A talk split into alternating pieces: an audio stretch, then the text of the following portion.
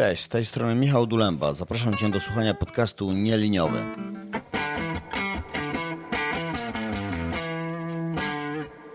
Będziemy tu rozmawiać o machine learning, programowaniu i zarządzaniu projektami korzystającymi ze sztucznej inteligencji. Jeśli pracujesz w tej branży, chciałbyś zacząć lub Twoja firma rozważa wykorzystanie tych technologii, jesteś w dobrym miejscu. Zapraszam Cię serdecznie.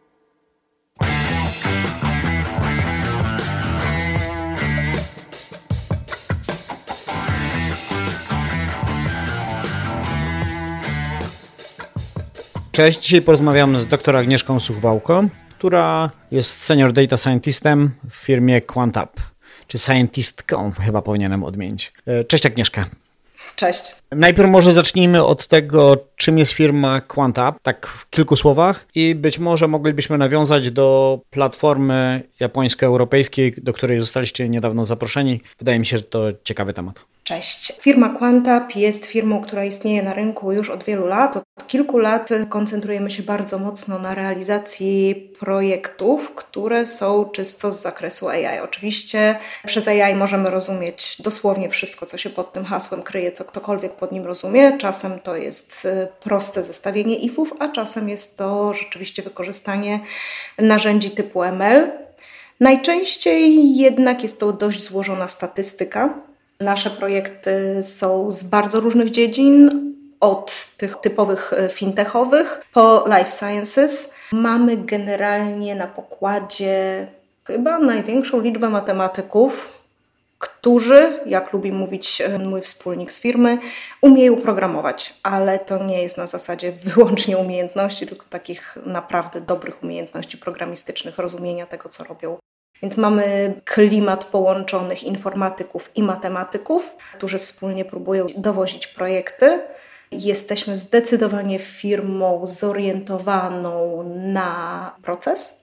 Przebrnęliśmy przez część związaną z danymi, przebrnęliśmy przez część związaną z różnymi innymi elementami. Obecnie koncentrujemy się na procesie jako całości do, dowożenia rozwiązań i tutaj właśnie witamy się z gąską w ramach JBridge który jest platformą biznesową do organizacji współpracy pomiędzy firmami japońskimi i różnymi firmami ze świata do tego programu, czy też do tego konkursu, ciężko mi stwierdzić, zostaliśmy zaproszeni w doborowym towarzystwie, ponieważ z Polski było to wyłącznie sześć firm. Co było tematem, to przedstawienie swoich w obrębie poszczególnych firm konkretnych case studies. Nasi potencjalni przyszli klienci, firmy, które potencjalnie będą chciały z nami współpracować, chciały zobaczyć już zrealizowane konkretne case poszczególnych firm i na tej podstawie będą się decydowały na rozpoczęcie współpracy bądź nie z poszczególnymi firmami. Z naszej strony były przedstawione cztery case'y, czyli cztery projekty, które realizowaliśmy. Jeden z Life Science, drugi e, Industry 4.0, trzeci był typowo fintechowy i czwarty z działki retail. Pierwszy life science'owy to była realizacja, która trwała bardzo długo. Był to projekt, który był rozpoczęty jeszcze w momencie, kiedy pracowałam na uczelni i robiłam równocześnie doktorat. To była współpraca z firmą BioAvli, która postanowiła skomercjalizować e, efekt mojego doktoratu, a w zasadzie dwóch doktoratów, mojego i mojego kolegi. I tutaj współpracowaliśmy od początku, czyli od powstania samego rozwiązania, po ostatnie etapy komercjalizacji, rozwiązanie obecnie jest gotowe do wdrożenia. Ten pierwszy projekt dotyczył rozpoznawania bakterii na podstawie nieniszczącego światła. Nie wiem, czy wiesz, jak się rozpoznaje bakterie. Taki bardzo klasyczny system rozpoznawania bakterii opiera się między innymi na węchu. Czyli w takim laboratorium mikrobiologicznym panie, najczęściej panie, chociaż panowie również, mają przeprowadzony konkretny proces. Te bakterie są hodowane, tam są różnego rodzaju podłoża. Te podłoża na przykład są z krwią, bo część bakterii się fenomenalnie pożywia krwią i szybko rośnie, inne wręcz przeciwnie, więc się wysiewa na różnych podłożach i potem się patrzy, co z tego wyrosło.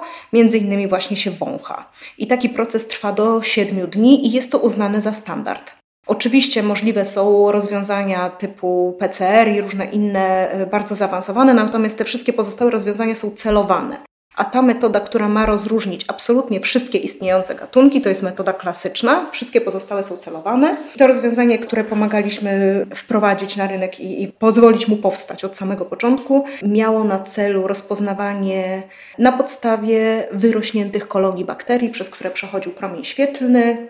Na tej podstawie był rejestrowany obraz, tak zwane widmo, Okazało się, że różne gatunki bakterii dają różne widma, ale dodatkowo różne szczepy bakteryjne też dają różne widma, więc tutaj metoda miała naprawdę bardzo duży potencjał. I tu jest ciekawostka, tą metodę zaczęliśmy opracowywać w czasach, kiedy jeszcze metody ML-owe nie były popularne. Dzisiaj byłoby to proste zadanie: wziąć sieć neuronową, wpuścić dużą porcję danych w sieć neuronową i ciach, gotowe. Ale wtedy, kiedy się za to zabieraliśmy, to było niedostępne. Nie były dostępne tak duże dyski, nie były dostępne jeszcze tak silne maszyny obliczeniowe i trzeba było zrobić to na piechotę. Trzeba było najpierw wymyśleć, jak z tego wszystkiego ekstrahować cechy numeryczne, które będą w stanie tu cokolwiek zdziałać, a potem na podstawie tych cech dopiero zrobić e, modelowanie. I byliśmy w stanie rozpoznawać kilkaset gatunków bakterii. Drugim z projektów, które były prezentowane podczas tego JBridge Pitchu, to był projekt, który realizowaliśmy dla Goldschmidt.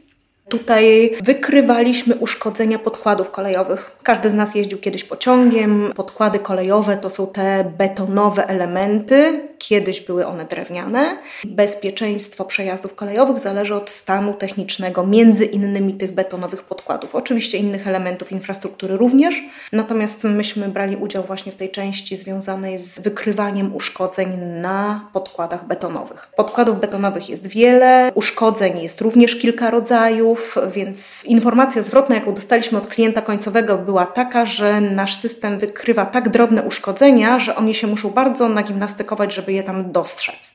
Ale one tam rzeczywiście są. Więc informacja zwrotna była taka, że rozwiązanie jest zbyt drobiazgowe.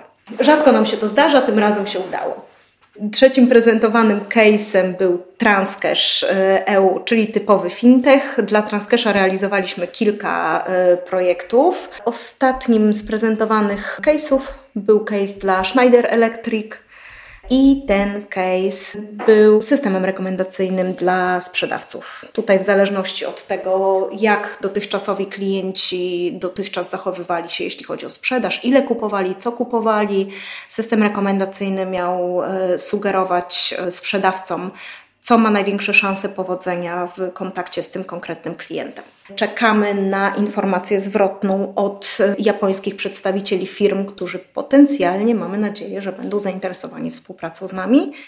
Chciałem Cię zapytać o ciekawy projekt, który też zupełnie niedawno Artur, Twój mąż, w skrócie opisał w jednym z postów z LinkedIn, czyli nazwijmy ją w uproszczeniu inteligentna winda. Oczywiście mam nadzieję, że wybaczy mi to uproszczenie i za chwilę zgłębimy w jaki sposób ona jest inteligentna i co tak naprawdę może być inteligentnego w takim urządzeniu. Marta, bo tak nazywa się system, tak został nazwany przez Zręb, jest produktem w 100% polskim i tutaj jesteśmy super dumni i Marta jest hiperinteligentna pod każdym względem. Marta jest nowatorskim systemem przedsiębiorstwa Zręb. Ci ze swoich nieco starszych słuchaczy z pewnością pamiętają nazwę Zręb i logo Zrębu z wind, którymi jeździli za dziecka w blokach z wielkiej płyty. W późniejszych czasach na polski rynek weszło dużo różnych firm windziarskich, które oferowały swoje produkty. No i obecnie windy pochodzą od przeróżnych producentów, ale Zręb postanowił tak łatwo się nie dać konkurencji i przeszedł do natarcia ponieważ każda winda po jakimś czasie, tak samo jak każdy inny przedmiot, traci gwarancję. Kończy mu się gwarancja, kończy mu się serwis i trzeba z tym coś dalej zrobić. I tutaj przychodzi z odsieczą zręb, oferując modernizację tych wind do systemu Marta. Pozostawiają korpus, pozostawiają znakomitą część oryginalnego urządzenia, dokładają do tego kilka możliwości. Między innymi tutaj my wchodzimy na białym koniu, oferując możliwość bezdotykowej obsługi windy. I tutaj się kryje główna inteligencja systemu. Mianowicie, jak też w większości współczesnych, większych budynków e, się można spodziewać, mamy kamery. Kamera, co najmniej jedna, jest umieszczona przed wejściem do windy, w miejscu, które jest dobrze połączone z wejściem do budynku bądź z wejściem na klatkę schodową, w zależności, czy też do holu, w zależności, gdzie, gdzie się znajduje wejście do windy. W ten sposób obserwowana jest jak największa przestrzeń i wyszukiwane jest przez system e, osoby, które zmierzają w kierunku tej windy. Jeśli system wykrywa, że jakaś osoba kieruje się na drzwi windy bezpośrednio, wówczas winda jest wzywana. Czasami to są niewielkie odległości. W bardzo wielu blokach i w bardzo wielu miejscach winda jest tuż obok klatki schodowej. Więc e, tutaj istotnym elementem było to, żeby rzeczywiście widzieć dokładniej, że to jest ten kierunek, a nie miejsce obok. W związku z czym prosta zależność, duża ilość danych. Bez dużej ilości danych system y, sobie tego nie obsłuży. I drugi element jest związany z bezpieczeństwem. Mianowicie w momencie, kiedy już wejdziemy do windy, jest tutaj umieszczona druga kamera, która ma na celu rozpoznawanie twarzy i w momencie, kiedy ta twarz jest rozpoznana z sukcesem, winda automatycznie wiezie człowieka na piętro. Obecnie jest tam zapięty prosty scheduler, czyli każdy może sobie zdefiniować, kiedy i gdzie chce być zawieziony, czyli powiedzmy, że pracujesz w standardowym systemie 5 dni, pracujesz 2 dni, masz wolne, no to powiedzmy od poniedziałku do piątku rano odwozisz dzieci do pracy, przepraszam, dzieci do szkoły, siebie do pracy. Ponieważ dzieci zaczynają lekcję o godzinie 8, no to powiedzmy 7.30 musisz wyjść, więc pomiędzy 7.15 a 7.45 winda macie zawieść na minus jeden na parking. Wracasz również o podobnych porach, w związku z czym wtedy z tego parkingu winda macie zawieść do domu. O podobnych w sensie, że, że codziennie o zbliżonych ale powiedzmy, że w piątki jedziesz jeszcze na siłownię i nie odbierasz dzieci, odbiera dzieci twoja żona, no to wracasz później, zadajesz to wszystko w szedulerze i on sobie obsługuje to bez najmniejszych problemów. Natomiast w weekend masz taki zwyczaj, że nie używasz w ogóle auta, w związku z czym y, w weekend, niezależnie od pory dnia, winda macie zawieźć zawsze na parter, a nie do garażu. Niby nic skomplikowanego, a wielu ludziom może to ułatwić życie. Docelowo oczywiście ma być to wszystko obsługiwane z pomocą aplikacji na telefon.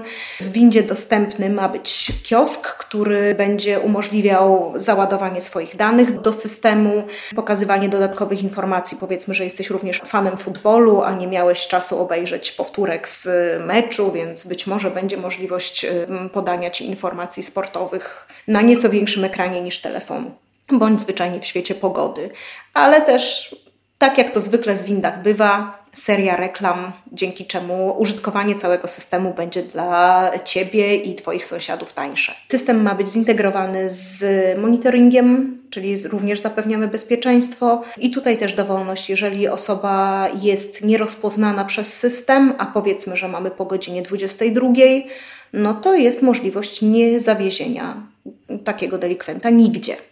Pewnie nie jest to w 100% bezpieczne, bo powiedzmy, że coś by się rzeczywiście wydarzyło, przyjechałaby, nie wiem, karetka i ratownicy medyczni potrzebowaliby się dostać wówczas wyłącznie na podstawie rozpoznawania twarzy, nie byłoby to całkiem bezpieczne. No właśnie chciałem zapytać, jak to wygląda, jak przyjeżdżasz do kogoś, nazwijmy to w gości, i jedziesz taką inteligentną windą, ale ona cię nie zna, to wtedy korzystasz z tradycyjnych przycisków, czy ktoś cię musi zaprosić i wbić to do systemu? Jak się to odbywa? W tej chwili jak najbardziej tradycyjne przyciski będą udostępnione, natomiast docelowo będzie to zależało od konfiguracji w danej lokalizacji. Czyli w zależności od tego, jak dany zarządca budynku będzie przewidywał obsługę takich sytuacji, tak będzie to robione. jeżeli człowieka danej twarzy nie ma w bazie danych, wówczas jest rozpoznawane wyłącznie to, że jest to człowiek. Żadne dodatkowe informacje nie są ani zbierane, ani przetwarzane. To teraz jeszcze sobie wyobraziłem, tak jak wspomniałaś, ludzie w odpowiednim wieku pamiętają takie numery, w którym windę wysyłało się na wszystkie piętra, albo robiły się różne inne psikusy innym użytkownikom tej windy. No i teraz, e, na ile Marta będzie odporna na, na takie rzeczy? Czy w ogóle myśleliście o tym, jak się zabezpieczyć przed takimi żartami? Myśleliśmy nie tylko o tym, ale też myśleliśmy o tym w ogóle, jak obsłużyć dzieci ponieważ dzieci prawnie są pod opieką swoich rodziców i za dzieci decydują rodzice. Więc to również zależy od tego, w jaki sposób rodzice zdecydują, że dane dziecko ma być obsłużone. Ale tak jak mówisz, wszelkiego rodzaju psikusy, wszelkiego rodzaju mm, zdarzenia niestandardowe można bez problemu obsłużyć. Tutaj wchodzą w grę dwie kwestie. Po pierwsze, my mamy zwyczaj jako firma dostarczania rozwiązań w formie przyrostowej. Typowa inkrementacja, czyli zaczynamy od czegoś w miarę prostego, w miarę obciętego z dodatkowych funkcjonalności, natomiast konstrukcja w środku rozwiązania pozwala na jego rozszerzenia dowolne. I w tym wypadku jest to głównie model, chociaż e, możliwe jest również dołożenie kilku heurystyk, heurystyk związanych z informacjami, które pochodzą ze sterownika. Jak większość z Was na pewno wie, windy mają wagi. A w momencie, kiedy wchodzimy do nowoczesnej windy, na dole jest fotokomórka, która jeżeli akurat przechodzimy, powoduje, że drzwi przestają się zamykać, nie zamkną się na nas drzwi, jeżeli stoimy w drzwiach, jeżeli czujka i nadajnik y, nie przekazują sygnału. Wykorzystując takie dwie proste rzeczy, plus oczywiście dodatkowe informacje z kamery, możemy na przykład wykryć dzieci. I tutaj gwiazdka nie dotyczy nastolatków, których budowa już jest zbliżona do osób dorosłych. Natomiast jeśli chodzi o dzieci, to są proste rzeczy. Możemy zliczyć, ile twarzy widzi kamera, która jest umieszczona w środku, na jakiej wysokości one są i jaka jest waga. Te wagi, które są umieszczone w windach, są naprawdę dość precyzyjne, więc wykrywając dwójkę dzieci i wiedząc, że właśnie zostało włączonych wszystkich 10 pięter, możemy z czystym sumieniem po prostu je wyłączyć. I dzieci wtedy mogą zrezygnować z zabawy dalszej ale tutaj wiesz, też trzeba pamiętać o takich sytuacjach, które są mhm. brzegowinne. Zresztą sam na to zwracałeś uwagę parę dni temu e, w jednym z postów. Są wśród nas też osoby bardzo niskie. I jeśli wstawimy takie zabezpieczenie, no to czy przypadkiem nie narobimy komuś kłopotów? Ale być może ta niższa osoba dorosła dalej nie nacisnęłaby wszystkich przycisków e, po kolei.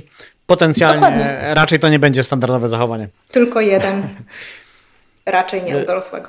Pomyślałem tylko na sekundę, przeskoczę, to jest y, bardzo ciekawe. Powiedziałaś o tym, że powiedzmy y, w Europie, czy być może w Stanach też, winda ma różne zabezpieczenia, że drzwi nie powinny ci obciąć ani ręki, ani głowy.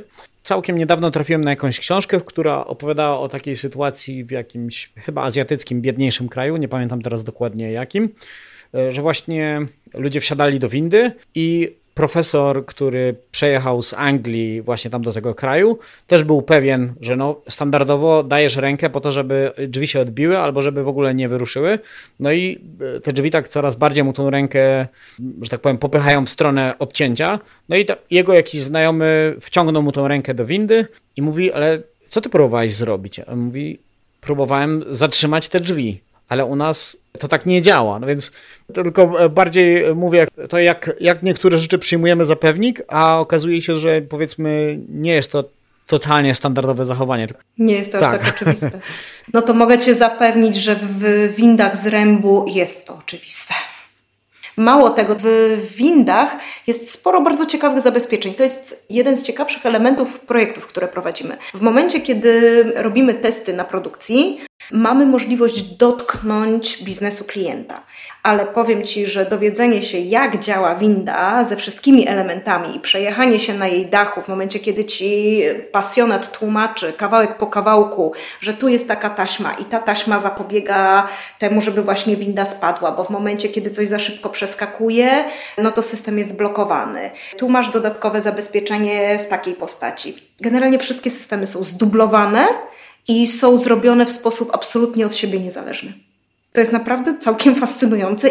Każde jedno z tych rozwiązań jest stosunkowo prostej konstrukcji, możliwie proste, żeby była jak najmniejsza szansa, że coś tutaj przestanie działać, że będzie jakaś awaria, a z drugiej strony są naprawdę skuteczne. No to, jest, to jest ciekawe, bo przynajmniej ja o windach pomijając to, że jestem powiedzmy standardowym użytkownikiem, no to wiem tyle, co z filmów, których ktoś walczy albo w windzie, albo na windzie, albo ją próbuje wysadzić, odciąć linę i tym podobne rzeczy. I zawsze wydaje się to być bardzo proste, jak tych pasażerów tam zrzucić w dół szybu, albo że wiele tych elementów jest bardzo łatwych do uszkodzenia, a tu z tego, co mówisz, wcale tak nie jest.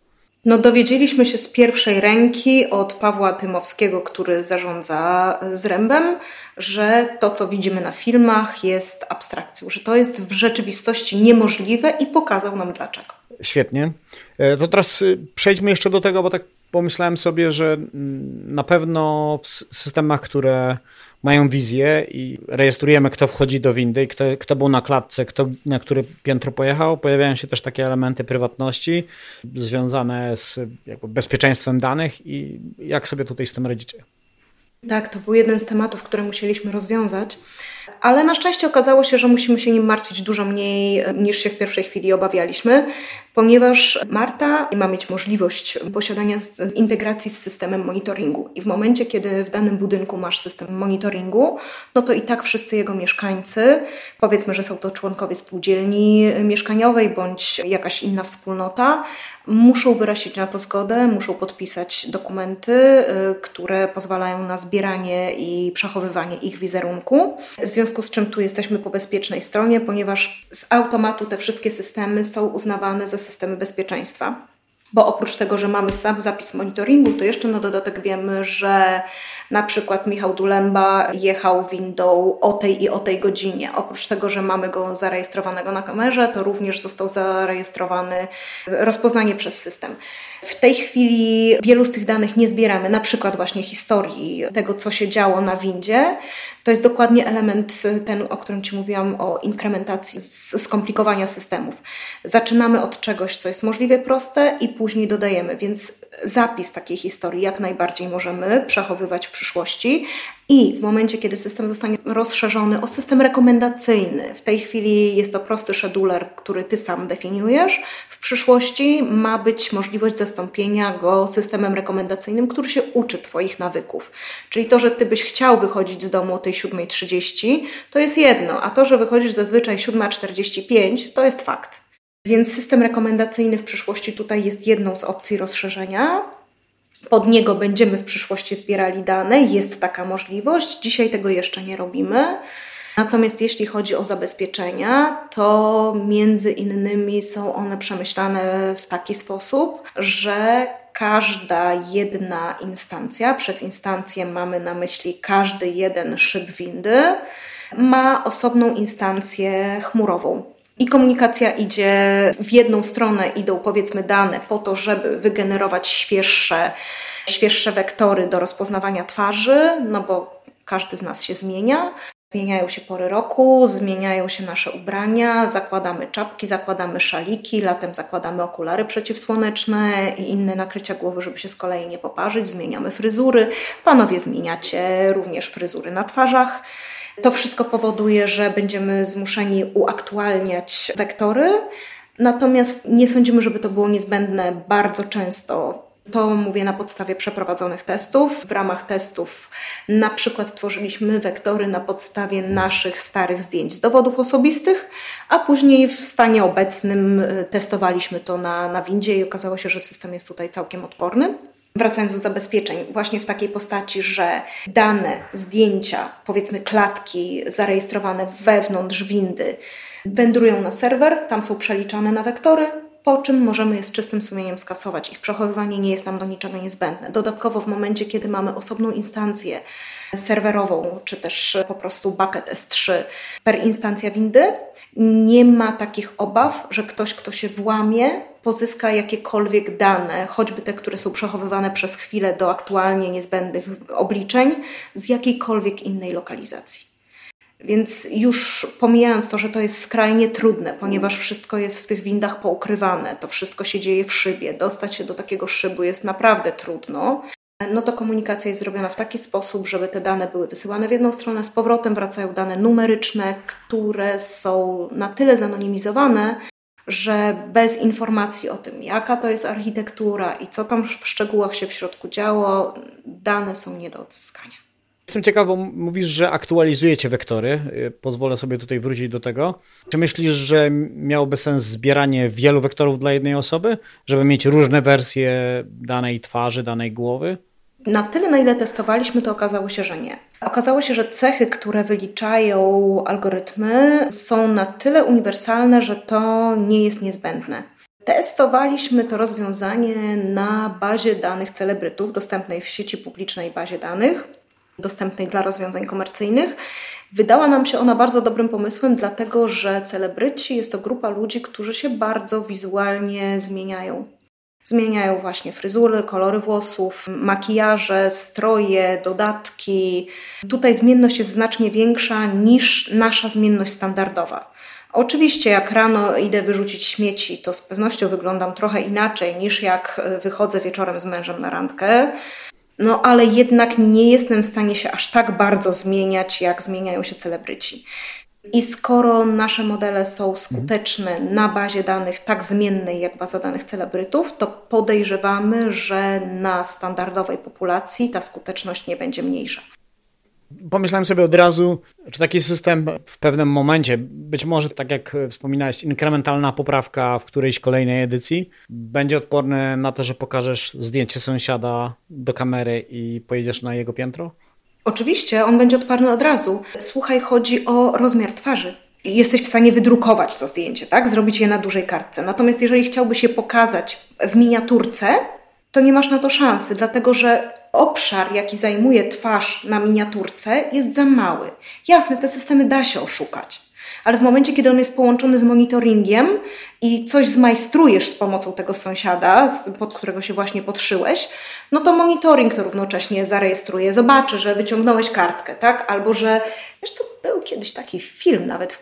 Kurczę, pamiętasz serial Colombo? Taki strasznie stary. Colombo rozwiązał taką sprawę. To było w lata 70. bodajże i działo się w Stanach, więc w ogóle systemy monitoringu były rzadkością i to był system monitoringu, który robił raz na jakiś czas zdjęcia. Wydaje mi się, że to był przejazd przez jakiś most w Stanach, bo oni mają mosty płatne i tam bodajże właśnie były robione zdjęcia. Facet, który popełnił morderstwo, zakrył twarz kartką ze zdjęciem jakiegoś innego człowieka, nie pamiętam szczegółów. I o co poszło, to to, że na tej kartce nie było cienia od nosa. Okay. Oświetlenie, które towarzyszyło tym aparatom, było tak zorganizowane, mhm. że na wszystkich rzeczywistych twarzach, u wszystkich ludzi był cień od nosa. A ponieważ tu była kartka, niezłe, niezłe. nie było skąd tego cienia rzucić. E, fajna zagadka i fajna historia. Dobre do e, zapytania kandydata na rozmowie kwalifikacyjnej. Jakby sobie poradził z takim case'em. Wydaje mi się, że jeszcze jeden ciekawy case, o którym gdzieś tam na samym początku naszej rozmowy, jeszcze przed podcastem wspominałaś, to powiedzmy system do rozpoznawania produktów w sklepach e, internetowych i czy moglibyśmy rozwinąć ten wątek, bo on wydaje się być przepotężny, jest w nim wiele różnych komponentów. Wiesz co, to jest jeden z najciekawszych projektów, które realizowaliśmy i największych. Jakiś czas temu przyszedł do nas inwestor, który stwierdził, że obecne sklepy e-commerce mają jeden zasadniczy problem. Wiele pól jest opcjonalnych, w związku z czym żadne systemy rekomendacyjne nie są w stanie na tym dobrze działać z automatu, bo ludzie nie wypełniają tych pól i nie ma możliwości, żeby zmusić ludzi do wypełniania pól, które nie są obowiązkowe. Z kolei, jeżeli oznaczysz wszystkie pola jako obowiązkowe, to masz gwarancję, że ten system będzie słabo używany. Więc nie ma tutaj sposobu na to, żeby to był win-win. No i facet wymyślił sposób, jak to obejść. Z naszego punktu widzenia bardzo dobry sposób. Skoncentrowałabym się na części związanej z modą, chociaż ten system miał być dużo szerszy, tam miało być znacznie więcej kategorii, nie tylko moda. Ale wyobraź sobie spodenki, zwykłe spodenki.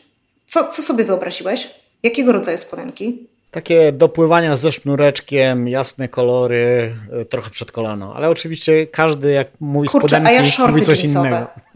Właśnie. Słuchaj, Dokładnie. totalny rozjazd, jeśli chodzi o unifikację. Pod jednym hasłem może się kryć cokolwiek. Na dodatek wiele firm, chcąc się wyróżniać, nadaje własne wewnętrzne nazwy. I okej, okay, to niby są spodenki, ale jakie? Sportowe, niesportowe, z jakiego materiału, w tym wypadku, czy to są shorty, jeżeli shorty, to czy to są shorty jeansowe i tak dalej, i tak dalej. Na tej podstawie w sekcji kobiecej wygenerowano zunifikowanych 243 bodajże, chociaż tutaj mogę się odrobinę mylić, kategorii różnych ubrań. Chodziło o to, żeby one były w miarę możliwości zunifikowane takie same.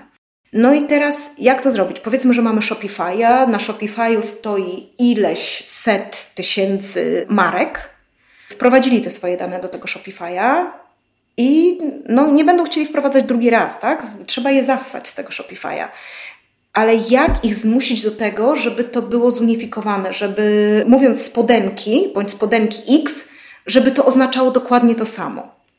No dobra, no to tutaj poszliśmy w rozpoznawanie właśnie tych ponad 200 kategorii ubrań, przy czym mówię, że to tylko dla kobiet.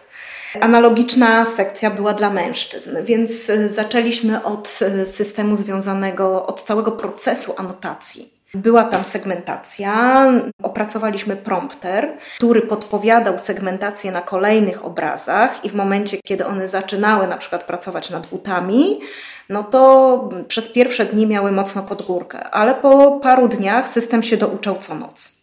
Po paru dniach miały już naprawdę konkretne podpowiedzi i ich praca się bardzo skracała, bo wymagała wyłącznie poprawek.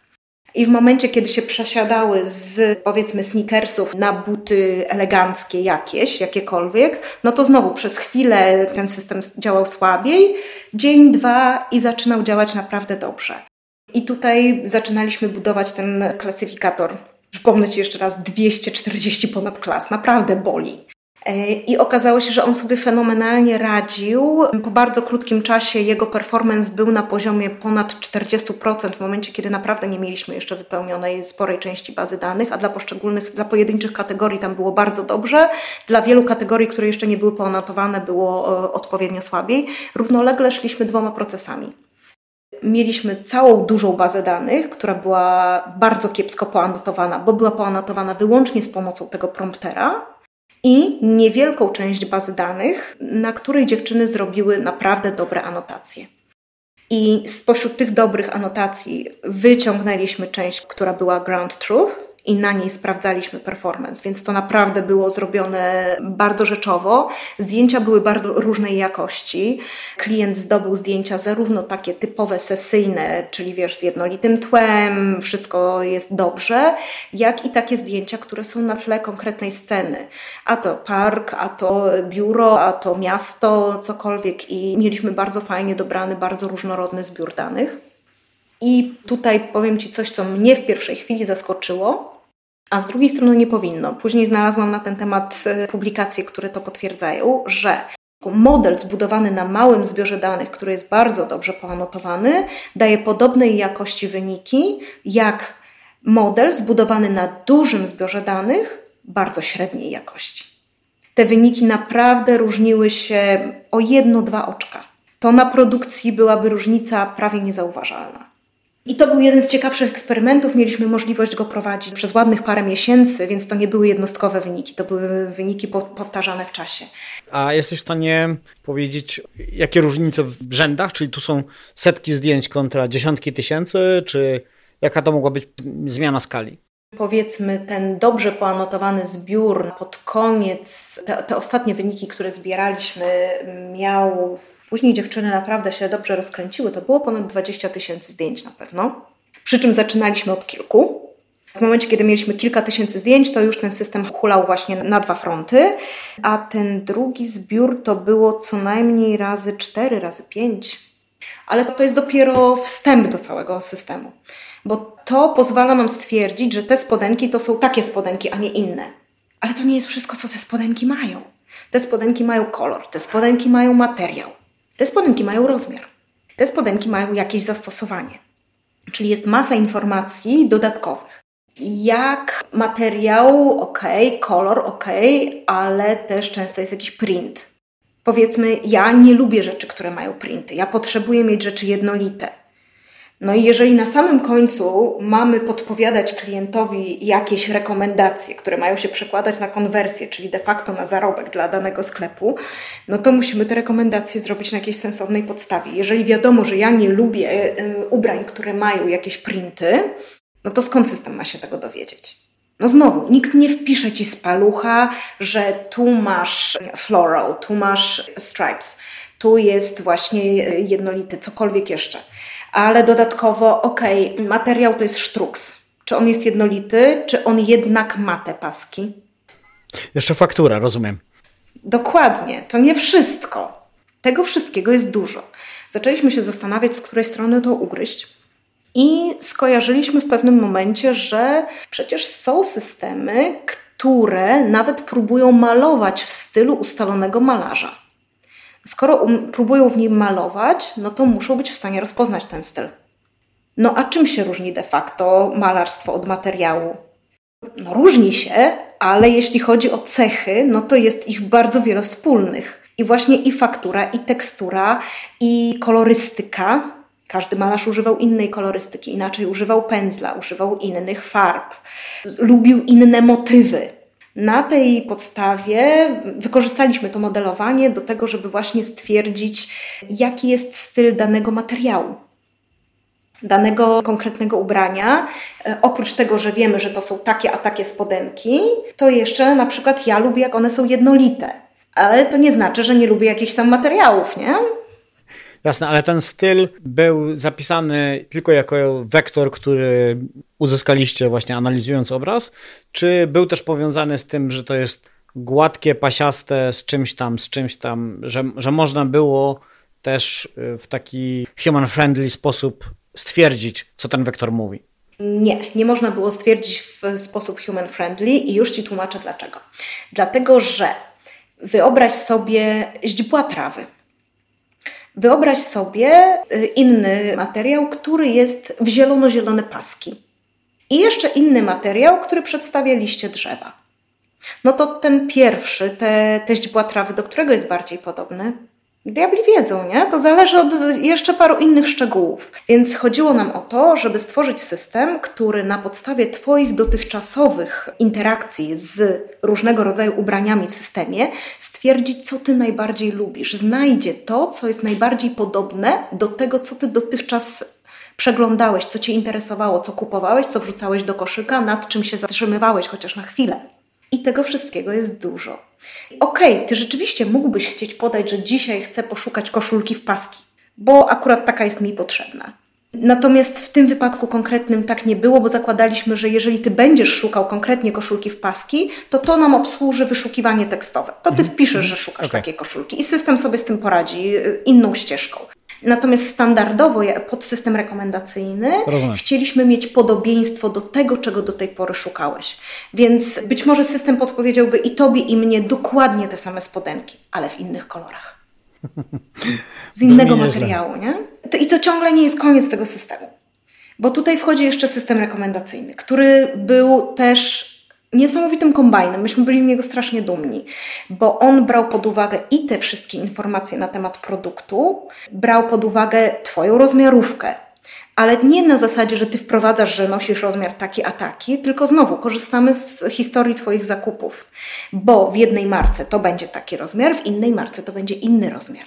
To ma znaczenie. A zazwyczaj mamy ulubione marki i siedzimy w nich najczęściej. Kolejna rzecz to jest to, w jaki sposób obsługujesz aplikację. Nad czym się zatrzymujesz chociaż przez chwilę. W szczegóły jakich produktów wchodzisz, bo to, że nie wrzucisz tego do koszyka i nie kupisz, to nie znaczy, że ci się nie podoba. To może oznaczać, że ten konkretny produkt strasznie ci się podoba, ale ze względu na cenę jesteś zmuszony zrezygnować. To po prostu nie jest twoja półka cenowa. Ale system rekomendacyjny wie, że to Ci się bardzo podobało, bo długo na to patrzyłeś, wchodziłeś w szczegóły i my wiemy na podstawie Twojej historii zakupów, że to nie jest Twoja półka cenowa, więc spróbujemy znaleźć coś bardzo podobnego, co z kolei będzie się zgadzało z Twoją zasobnością portfela. Brzmi jak idealny system. Jeszcze gdyby nie trzeba było wiedzieć, czym się różnią botki od trzewików, to już byłoby idealne rozwiązanie dla wielu osób, które mają z tym kłopot.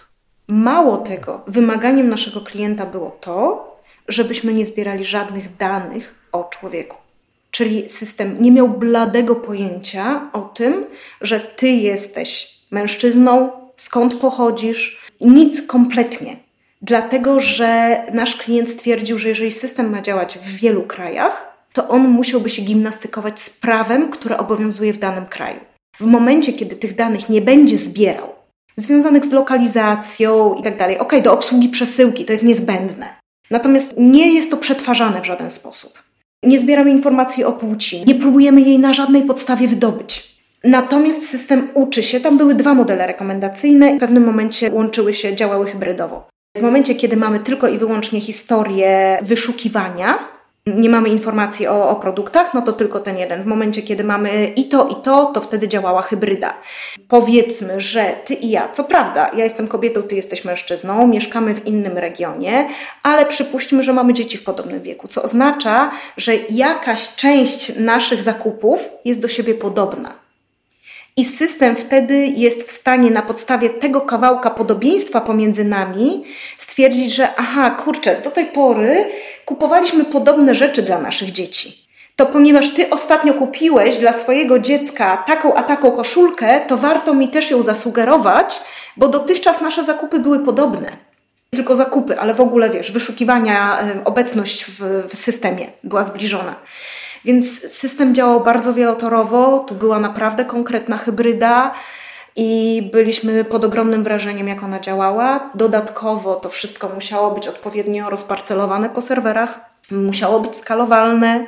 Ważnym elementem był czas przetwarzania. Były założenia co do tego, że od momentu, kiedy klient się rejestruje w systemie, do momentu, kiedy ma dostać pierwsze e, rekomendacje, ma upłynąć ileś czasu. Odpowiedź na bieżąco, mają być jakieś update'y. Jeżeli ktoś ma dużo czasu i przegląda aplikację kilka razy dziennie, no to nie możemy mu serwować non-stop tego samego kontentu. I tak dalej, i tak dalej, i tak dalej. Te wszystkie rzeczy tak, to był naprawdę jeden z największych projektów, jakie zrealizowaliśmy i przyznam szczerze, że jestem z niego cholernie dumna.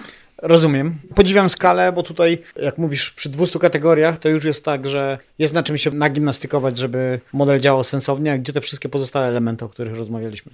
To jeśli mogę zapytać, jak organizowaliście taką pracę? By, mm, gdybyśmy mogli pociągnąć ten element, bo to jest zawsze bardzo ciekawe, jak zsynchronizować pracę tylu osób, nie dojść do mikromanagementu, ani też do chaosu. Gdzieś jak zbalansować ten sposób e, komunikacji? Tutaj były dwie osoby, które bardzo mocno trzymały rękę na pulsie. Ja po naszej stronie trzymałam rękę na pulsie naszego zespołu, natomiast jakby myśmy mieli dobrze wydzielone zadania, a po stronie tej drugiej, czyli całej aplikacji, architektury, projektowania, wszystkich funkcjonalności, tego, żeby to wszystko ze sobą działało, spinało się i chciało współpracować, przede wszystkim bardzo zaangażowany był inwestor. Z tego co wiem, to inwestor dosłownie miał codzienne spotkania z zespołem tym anotacyjnym, pilnował, dozorował, dopieszczał, głaskał, gonił, robił co trzeba. PM była dziewczyna, która również była Polką. Po jej stronie była koordynacja współpracy poszczególnych zespołów. Natomiast współpraca była naprawdę w bardzo dobrej atmosferze nie zdarzyły nam się żadne scysje, żadne niesnaski. Zdarzały nam się nieporozumienia, zdarzało się, że ktoś coś inaczej zrozumiał i tak dalej, i tak dalej. Natomiast była naprawdę fenomenalna atmosfera i nawet jeżeli coś przez chwilę było nie do końca takie, jakbyśmy chcieli, to dzień, tydzień później już było takie, jak miało być i nikt nie miał wątpliwości, że idzie w dobrym kierunku. Także tutaj naprawdę szapoba dla dziewczyny, której się udało to wszystko skoordynować, bo to ogromna robota, plus rzeczywiście product owner pełną gębą w postaci inwestora, z którym mieliśmy kontakt regularnie. Na początku to było dwa razy w tygodniu, bardzo dużo rysowania.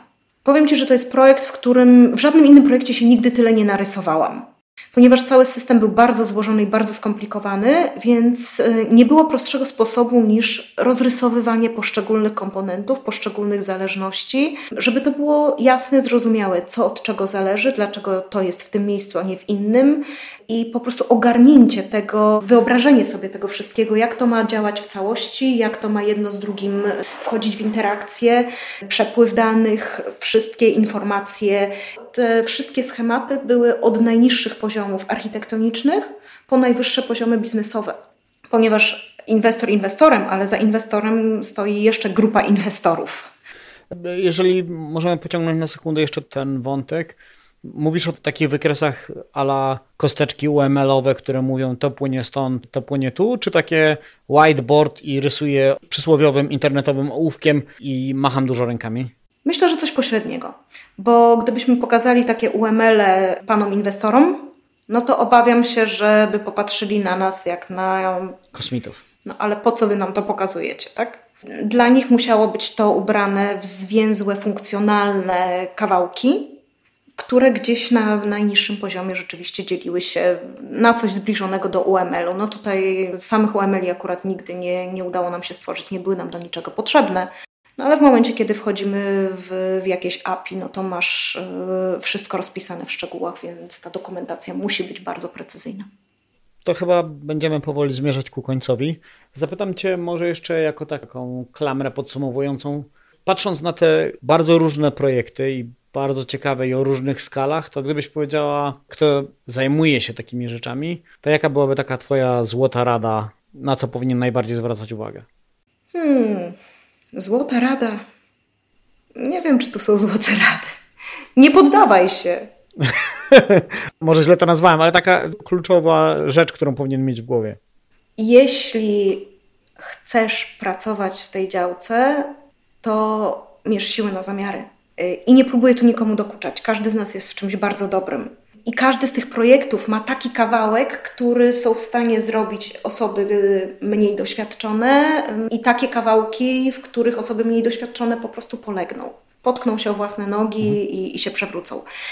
Znajdź zespół, w którym będziesz się mógł rozwijać, który jest przyjazny i który będzie ci pokazywał, w którym kierunku iść. Nastaw się na to, że nic nie wiesz. Ja ciągle mam wrażenie, że nic nie wiem. E, to, to jest ciekawe, bo e, zupełnie niedawno rozmawiałem z kimś o tym, czy ta krzywa e, kogoś tam Krugera, nie pamiętam dokładnie. Mm, krzywa uczenia. Krugera. Czy docieramy tutaj w to miejsce i jest się coraz bardziej świadomym, czy ta branża tak szybko ucieka, że nie jesteś w stanie powiedzieć, że już nauczyłem się wszystkiego? Nie, nie ma szans. Wiesz, ja w tej chwili praktycznie nie koduję, nie mam na to czasu. Zajmuję się tym, żeby te projekty chodziły, żeby te projekty były dowożone, żeby te projekty merytorycznie były poprawnie realizowane. Nie mam czasu usiąść z rękoma na klawiaturze. Ale w momencie, kiedy potrzebuję coś zrobić, wczoraj czy przedwczoraj potrzebowałam coś wygenerować, coś mi było potrzebne, wzięłam kody, znalazłam, coś mi nie działało, w sensie działało w jednej wersji, nie działało w innej wersji, byłam w stanie napisać od ręki jakiś mały patch. Więc mnie się wydaje, że już nie umiem programować. Ale jak potrzebuję usiąść i coś zrobić, to ciągle to jest w tych palcach. Ktoś mi zadaje jakieś pytanie z zespołu i, w pierwszej chwili wydaje mi się, że kurczę, wiesz, że nie wiem. Po czym po chwili, ale warto sprawdzić to, to i to. I okazuje się, że to tak, to jest strzał w dziesiątkę, więc to jest moje poczucie, które zdaje się, że nie do końca jest prawdziwe jeżeli jesteś w sprzyjającym środowisku i ludzie wokół ciebie cały czas się uczą i wszyscy idą do przodu i każdy wybiera jakąś własną ścieżkę, ale one są w podobnym kierunku, tylko ja lubię wizyjne projekty, tak? Ale mamy w firmie też projekty fintechowe. Ja w nie nie wchodzę, ale to nie znaczy, że ja o nich nic nie wiem. Natomiast nie jestem ekspertem i nie będę. Nie można się nauczyć wszystkiego w tej działce. Nie da się. No teraz chyba już niemożliwe. Przez chwilę na samym początku wydawało się, że możesz e, znać się na kilku działkach, ale teraz już chyba to niemożliwe. Powiedz mi, kto tak naprawdę rozumie regresję logistyczną? Nie umie ją zastosować, tylko ją rozumie. Znajdź mi takich. Tak samo jak za każdym razem, jak rozmawiam z takim hardkorowym statystykiem, to sobie tak myślę, on rozumie niektóre rzeczy dużo głębiej niż ja ich używam jak przysłowiowego młotka. I to jest e, dokładnie to, o czym teraz wspominasz. Dokładnie. I to jest właśnie hiperważne, żeby w zespole mieć i takich, którzy umieją użyć tego młotka, i takich, którzy ten młotek umieją zbudować. Jasne. I tym optymistycznym akcentem budowania zespołów z różnorodnych ludzi będę Ci dziękować. Dzięki serdeczne. Świetne opowieści. Mam nadzieję, że Marta będzie coraz inteligentniejszą osobą i w końcu przejmie kontrolę nad wszystkimi windami w większej i dalszej okolicy. Jezu, Marta przejmie kontrolę nad światem. Zaczynam się bać. Dzięki i do usłyszenia. Dzięki serdeczne. Dobrego.